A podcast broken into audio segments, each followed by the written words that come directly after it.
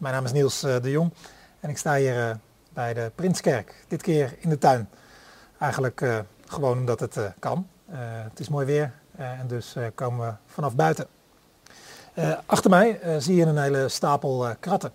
die gebruiken we iedere zaterdagavond voor het verdelen van brood. Dat krijgen we van een bakker uit Maasluis en dat verdelen we om ook verspilling tegen te gaan. De laatste tijd krijgen we ook uh, groente, fruit vanuit het Westland via Hans Pauwen. En dat uh, verdelen we dan ook onder wat mensen die dat ook goed kunnen gebruiken. ik moest daaraan denken bij het verhaal van vandaag, dat uit Handelingen 6 komt. In het begin van die verdeling met dat voedsel hier op zaterdagavond ging er ook wel eens wat mis. En kwamen er klachten dat het niet helemaal eerlijk ging en zo. dus toen moesten we even wat dingen anders organiseren. En nu gaat het gelukkig alweer maanden goed. Ook in Handelingen 6 is er een kwestie, gedoe, uh, onvrede. Men vindt het niet helemaal uh, eerlijk gaan.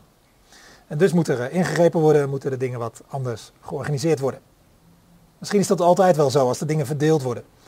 Of dat nou eten is, of geld, of banen, of kansen, of tijd, of aandacht. wat er ook maar verdeeld wordt. Er kan zomaar dingen scheef gaan. Dingen kunnen verkeerd verdeeld worden. er kan onderscheid gemaakt worden. Sommige groepen kunnen steeds over het hoofd worden gezien. Uh, de laatste weken in de media hebben we allerlei voorbeelden gehoord van hoe mensen zich achtergesteld kunnen voelen, ook in ons land. En daarom is dit gedeelte uit Handelingen 6 denk ik een heel relevant gedeelte. Niet alleen omdat we iets kunnen voorstellen bij het probleem, maar juist ook omdat er zo wijs wordt omgegaan, mee wordt omgegaan. Daar kunnen we het een en ander van leren. De afgelopen weken, uh, vooral naar aanleiding van de dood van George Floyd, is wel duidelijk geworden dat niet alleen in de Verenigde Staten mensen zich achtergesteld voelen vanwege een ras, etniciteit of huidskleur, maar dat ook in Nederland veel mensen zich achtergesteld of gediscrimineerd uh, weten. Ook in Nederland raakte die Black Lives Matter discussie een gevoelige snaar. En niet zomaar een handjevol mensen, maar veel mensen. Uh, zo blijkt wel uit alle verhalen en voorbeelden die we gehoord hebben, uh, voelen zich achtergesteld. Ik, ik heb er nog niet van gelezen of gehoord, maar de vraag is of onder christenen en binnen kerken uh, er ook sprake is van dezelfde patronen die er blijkbaar in de samenleving zijn. Het zou zomaar kunnen. Hè? De, de, kerkgeschiedenis wijst het ook uit. Dat ook binnen kerken uh, mensen op grond van een of ander kenmerk uh, achtergesteld worden. Of tweede rangs zich voelen. soms is dat in de geschiedenis openlijk gegaan, maar je kunt je ook voorstellen dat het nu misschien wat minder openlijk gebeurt, maar wel verborgen wel. Hè, dat het bijvoorbeeld leiderschap uh, voor, alleen voor bepaalde mensen uh, beschikbaar is. Of dat op subtiele manieren mensen toch het gevoel krijgen wat minder serieus genomen te worden. Het zou ook kunnen zijn dat tussen kerken, tussen, tussen bijvoorbeeld meer Hollandse kerken en migrantenkerken, er verschil is. Dat er op elkaar neergekeken wordt. Het zou zomaar kunnen gebeuren. Dat sommige mensen toch meer gelijk zijn dan anderen, zoals George Orwell dat ooit benoemde. Als we dat ontdekken in de kerk, dan, dan moeten we daar vanaf. Zoals, denk ik, iedere christen er vanaf zou moeten als die merkt bij zichzelf dat hij bepaalde mensen meer of minder waard vindt. Op grond van een of ander kenmerk. Want dat is zonde. En ook in strijd met wat er in het Nieuwe Testament bijvoorbeeld staat. Als ergens Paulus uh, klip en klaar maakt dat er geen onderscheid moet zijn tussen man en vrouw of slaven of vrije mensen of joden en Grieken. Dat voor God ieder mens evenveel waard is. Vanuit de Bijbel zou er heel veel te zeggen zijn over dit onderwerp, maar we beperken ons tot Handelingen 6. Uh, eh, dit gedeelte komt langs in de bespreking van het boek Handelingen, waar we deze zomer mee bezig zijn in, in Noorderlicht. En dit gedeelte dat, dat, dat zegt ook het een en ander over Zo'n kwestie van achterstelling. Um, want er is namelijk in dit gedeelte een groep die zich achtergesteld voelt. En we lezen hoe dit probleem wordt aangepakt. En uh, ik denk dat het leerzaam is voor ons allemaal. Uh, als we te maken hebben met problemen. Wat voor problemen ook. Uh, maar zeker ook met problemen rondom achterstelling. We lezen eerst het verhaal. We kijken dan precies wat die kwestie nou is. En vervolgens halen we er vier lessen voor ons uit. Handelingen 6. Toen het aantal leerlingen toenam, ontstond er op een gegeven moment ontevredenheid bij de Griekstaligen, die de Aramees sprekenden verweten dat de weduwen uit hun groep bij de dagelijkse ondersteuning werden achtergesteld. Daarop riepen de twaalf apostelen de voltallige gemeenschap van leerlingen bijeen en zeiden, het is niet goed dat wij de zorg dragen voor de gemeenschappelijke maaltijden, want daardoor verwaarlozen we de verkondiging van Gods woord. Kies daarom, broeders en zusters, uit uw midden zeven wijze mannen die goed bekend staan en vervuld zijn van de Heilige Geest. Aan hen zullen we deze taak opdragen. Terwijl wij ons zullen wijden aan het gebed en aan de verkondiging van het woord van God. Alle leerlingen stemden met dit voorstel in. En ze kozen Stefanus, een diepgelovig man die vervuld was van de Heilige Geest, en verder ook Philippus, Prochorus, Nicanor, Timon, Parmenas en Nicolaus, een proseliet uit Antiochië. Ze lieten deze mannen plaatsnemen voor de apostelen, die een gebed uitspraken en hun daarna de handen oplegden. Het woord van God vond steeds meer gehoor, zodat het aantal leerlingen in Jeruzalem sterk groeide. Ook een grote groep priesters aanvaarden het geloof. In de media zijn dus uh, afgelopen weken allerlei verhalen uh, voor het voetlicht gebracht waarin mensen zich achtergesteld voelden. Misschien ken je zulke verhalen ook wel vanuit je eigen omgeving of heb je zelf wel eens te maken gehad dat je op grond van een of ander kenmerk werd achtergesteld of buitengesloten. Handelingen 6 bevat ook zo'n voorbeeld, zo'n verhaal. Maar voordat we allerlei lijnen trekken naar ons eigen leven, onze eigen situatie, moeten we eerst iets scherper krijgen wat daar nou precies aan de hand is in Handelingen 6. En grofweg zijn daar twee theorieën over. Eerst maar de eerste theorie. Er waren bijzonder veel weduwen die rekenden op de steun vanuit de kerk van de eerste christenen daar in Jeruzalem. Dat kwam omdat veel oudere Joodse mensen verhuisden ook naar Jeruzalem, ook soms van heel ver weg, steden, landen van ver weg. Maar die mensen wilden graag hun laatste dagen in Jeruzalem slijten en ook begraven worden uh, in of in de buurt van Jeruzalem. Er was dus een soort grijze golf in Jeruzalem. En daarom dus ook veel, vrij veel weduwen. En waar een weduwnaar nog wel voor zichzelf uh, kon zorgen, was dat voor een weduwe heel lastig. En ze was dus, zo'n zo, zo weduwe moest terugvallen op steun vanuit familie of vanuit steun op, vanuit de synagoge. Maar ja, als zo'n weduwe christen worden was, dan was die steun vanuit de synagoge, ja, dat, dat hield natuurlijk op.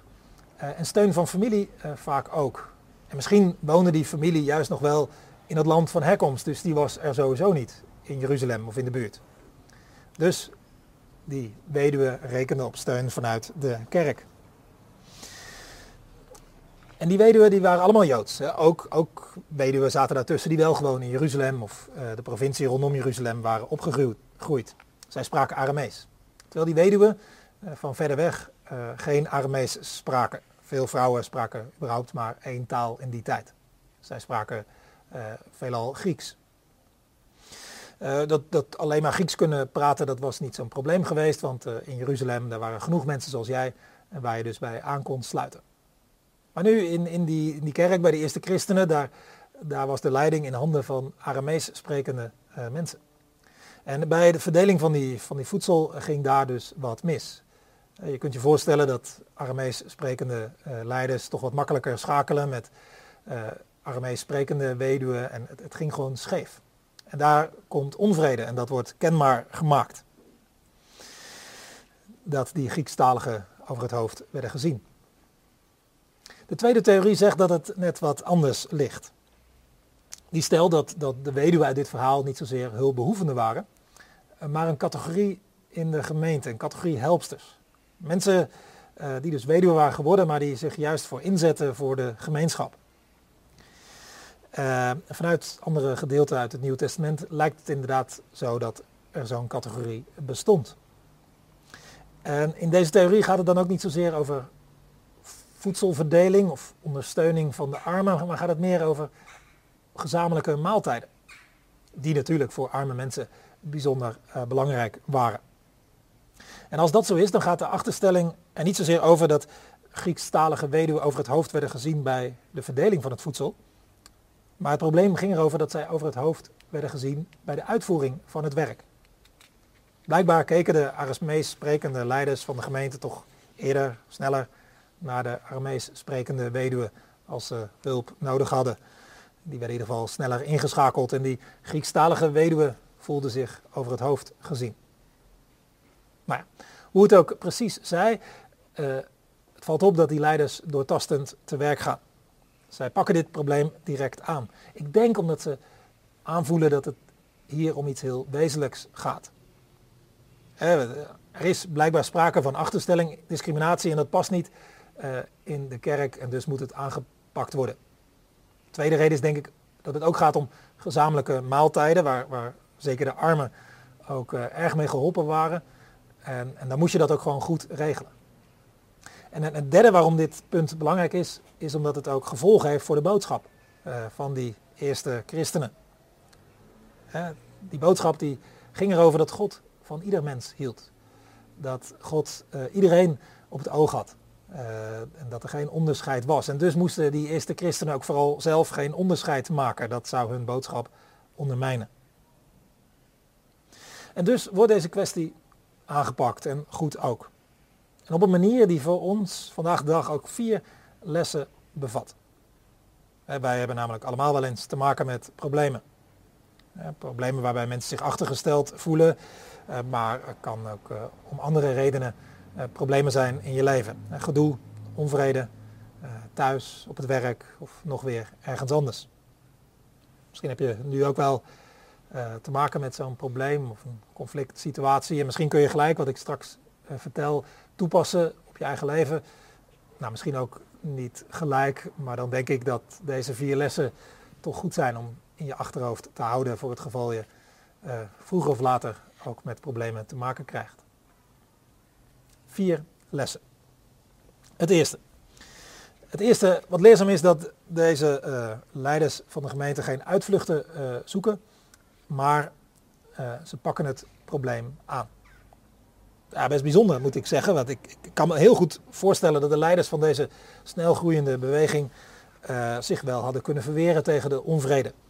En ze hadden kunnen wijzen op een inzet en zeggen, ja, we doen echt ons, ons best om het zo eerlijk mogelijk te doen. Ze hadden excuses kunnen aandragen, ja, maar we hebben het ook druk. We, hebben ook grote problemen aan ons hoofd. Hè. We, we, staan hier soms met gevaar voor eigen leven uh, te werken. Of zal in de verdediging kunnen schieten. Zeggen, ja, alsof het onze schuld is. Hè. We, zijn toch niet overal uh, verantwoordelijk voor. En, ja, en uh, als dank voor wat we doen, krijgen we alleen maar geklaag. Nou ja, we hebben allemaal wel eens meegemaakt dat er zo met problemen wordt omgegaan. dat, uh, ja, dat, dat problemen niet echt aangepakt worden, niet echt onderkend worden. En dan verandert er ook niks. Niks ten goede in ieder geval. Zeker ook als het gaat om problemen van achterstelling of discriminatie. Als problemen op dat gebied niet serieus worden genomen, verandert er niets ten goede. Een valkuil waar mensen, zeker ook leiders, uh, vaak intrappen, is denk ik dat er gekeken wordt naar wie het zegt. En niet zozeer naar wat nou precies het probleem is. als mensen met status iets aangeven, dan wordt het heel serieus genomen, terwijl het misschien niet eens werkelijke problemen betreft. En, en als mensen met weinig status, uh, zonder status iets aangeven, en ook al betreffen dat werkelijke problemen, wordt daar soms laconiek mee omgegaan. Nou, zo zitten deze leiders van de eerste christenen niet in elkaar. Zij nemen dit probleem rondom die Griekstalige weduwe wel serieus. Dat is extra bijzonder als je bedenkt dat vrouwen in die cultuur niet zo heel hoog stonden aangeschreven. En deze groep, ja, die, die stond natuurlijk niet sterk. Ze hadden vaak ook geen familie achter zich of, of een bepaalde, bepaalde groep achter zich. Um, dus je had je kunnen voorstellen dat de leiders van die eerste christenen er wat laconiek mee waren omgegaan. Maar dat doen ze dus niet. Dat is in hen te prijzen. Misschien hadden ze het wel geleerd van Jezus, die hen voorgedaan had om de roep van kwetsbaren heel serieus te nemen. Hoe het ook zij, deze leiders zoeken dus geen uitvluchten. Komen niet met excuses, wijzen niet naar anderen of naar de omstandigheden. Nee, ze gaan aan de slag om een oplossing te vinden. En ze beseffen dat, dat, dat, dat zij het er een beetje bij deden en dat, dat dit probleem op iets anders vraagt.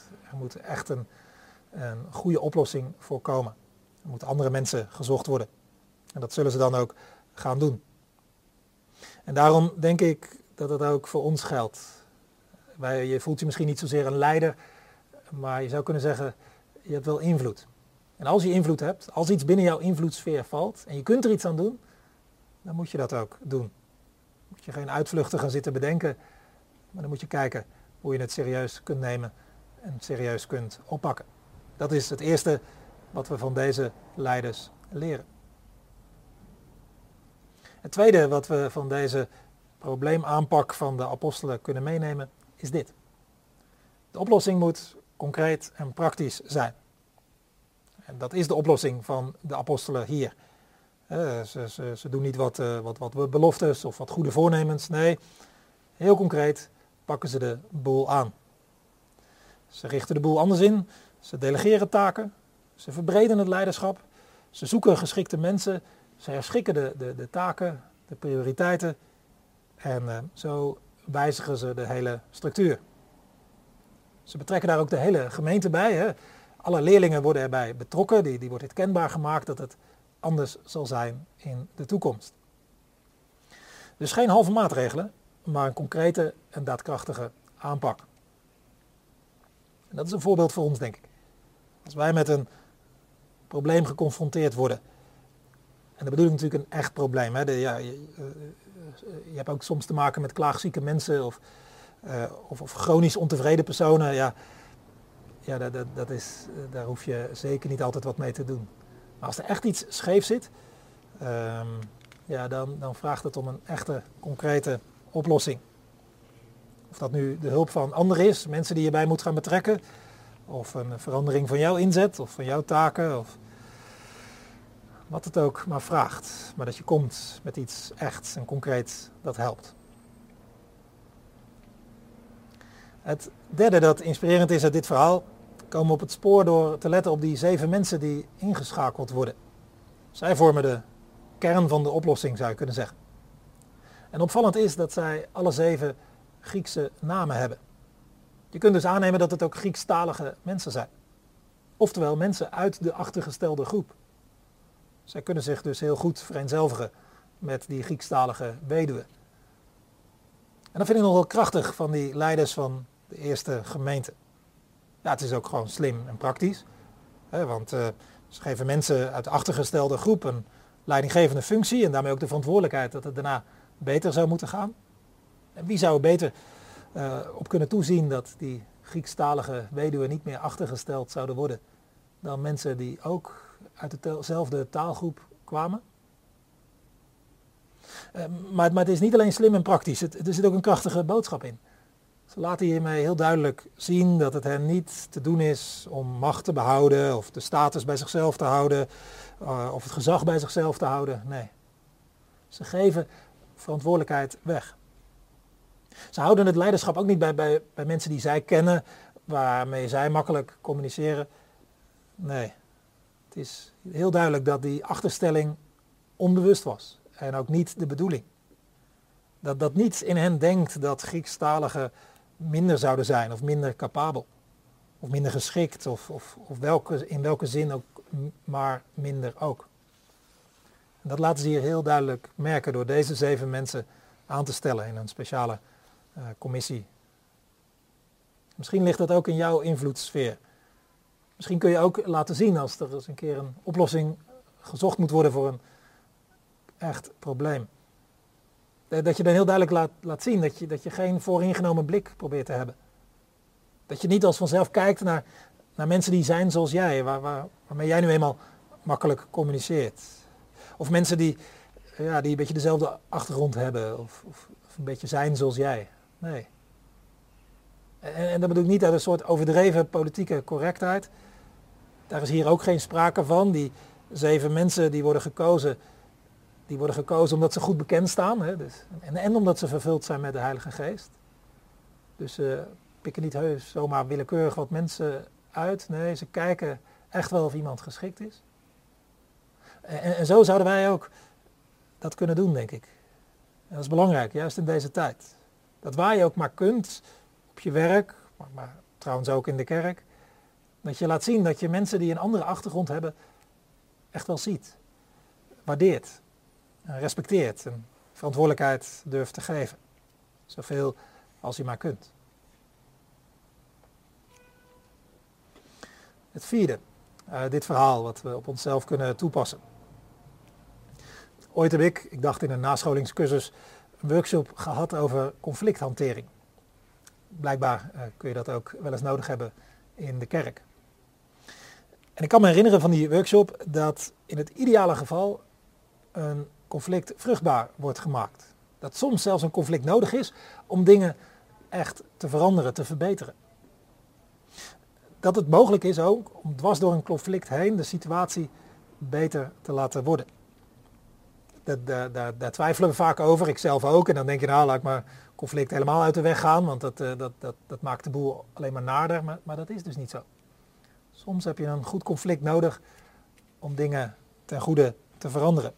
Nou, dat, dat blijkt wel hier in Handelingen 6. Want dit conflict levert alleen maar goede resultaten op. De achterstelling van de Griekse talige weduwe die stopt. Maar dat niet alleen. Er komen meer schouders die het werk dragen. En zelfs nog meer, die, die eerste leiders die, die, die krijgen in de gaten dat, dat hun prioriteit ergens anders moet liggen. Dat ze zich vooral moeten focussen op de verkondiging van de goede boodschap van Jezus Christus. En dat ze moeten bidden. Hoe kan dit? Dat, dat dit conflict zoveel uh, goeds brengt?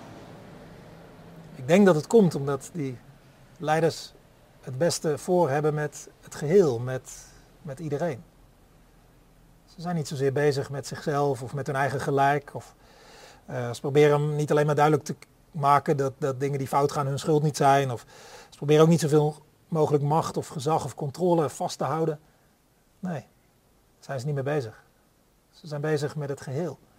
Met wat werkelijk goed is. Daarom kunnen ze loslaten. Ook controle loslaten, invloed loslaten, gezag delen. Mensen erbij betrekken.